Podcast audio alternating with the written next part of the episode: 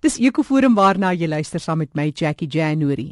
Ek lees in die nuus die afgelope tyd hoe woedend mense raak oor die ontginning van verskeie metale en so meer.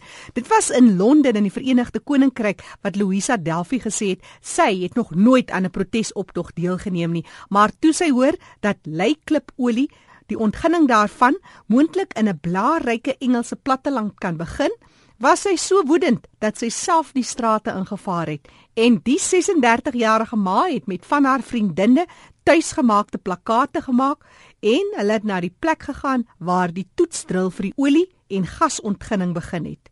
Dit is naby haar luukse klein dorpie van Balcomie in West Sussex wat sowat 50 minute per trein van sentraal Londen geleë is.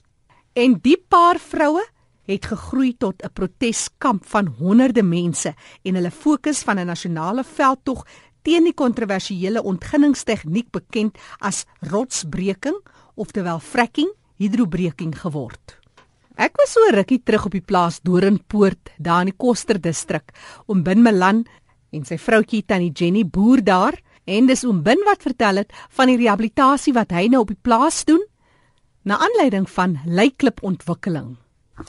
Uh, ek ken hierdie wêreld toe dit nog ongeskonde was.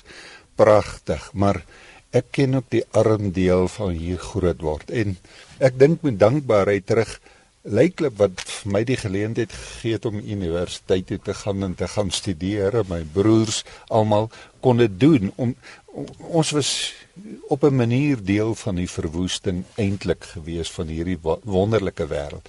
Maar ek kan daarom net nog altyd dink aan hoe mooi en hoe lekker was dit om op 'n Saterdag hiernatoe te kom en te kom visvang in die Elands rivier hierso en 'n ou vleisie te braai en vandag nog kom ons baie kere hiernatoe en ons help die son ondergaan.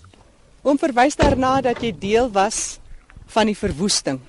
Maar vandag is jy trots deel van 'n bietjie van 'n rehabilitasie. Ja, uh, absoluut dis so lekker om die wêreld net weer te probeer heel maak en regmaak.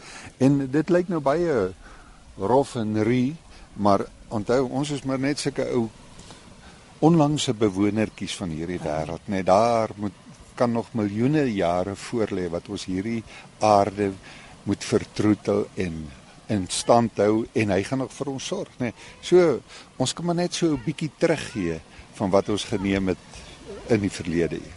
Ek is seker dit is 'n reuse taak wat die Malans hier op Doringpoort hulle aangesê het om te doen. Beslis in eh, maar is so lekker om dit weer te kan teruggee.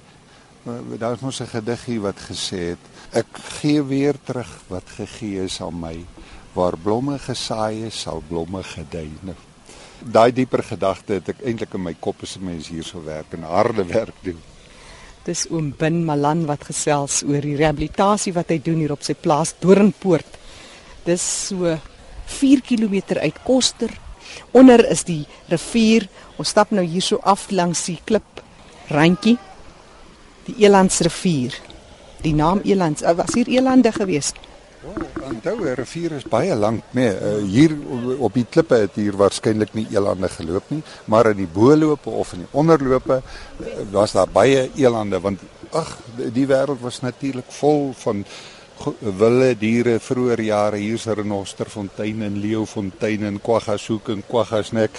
Uh, dit is vernoem eintlik na die wild wat hier geleef, uh, geleef het in hierdie wêreld in daai ou tye oom Bin Malan wat gesels, hy's van die plaas Doringpoort in die Koster distrik.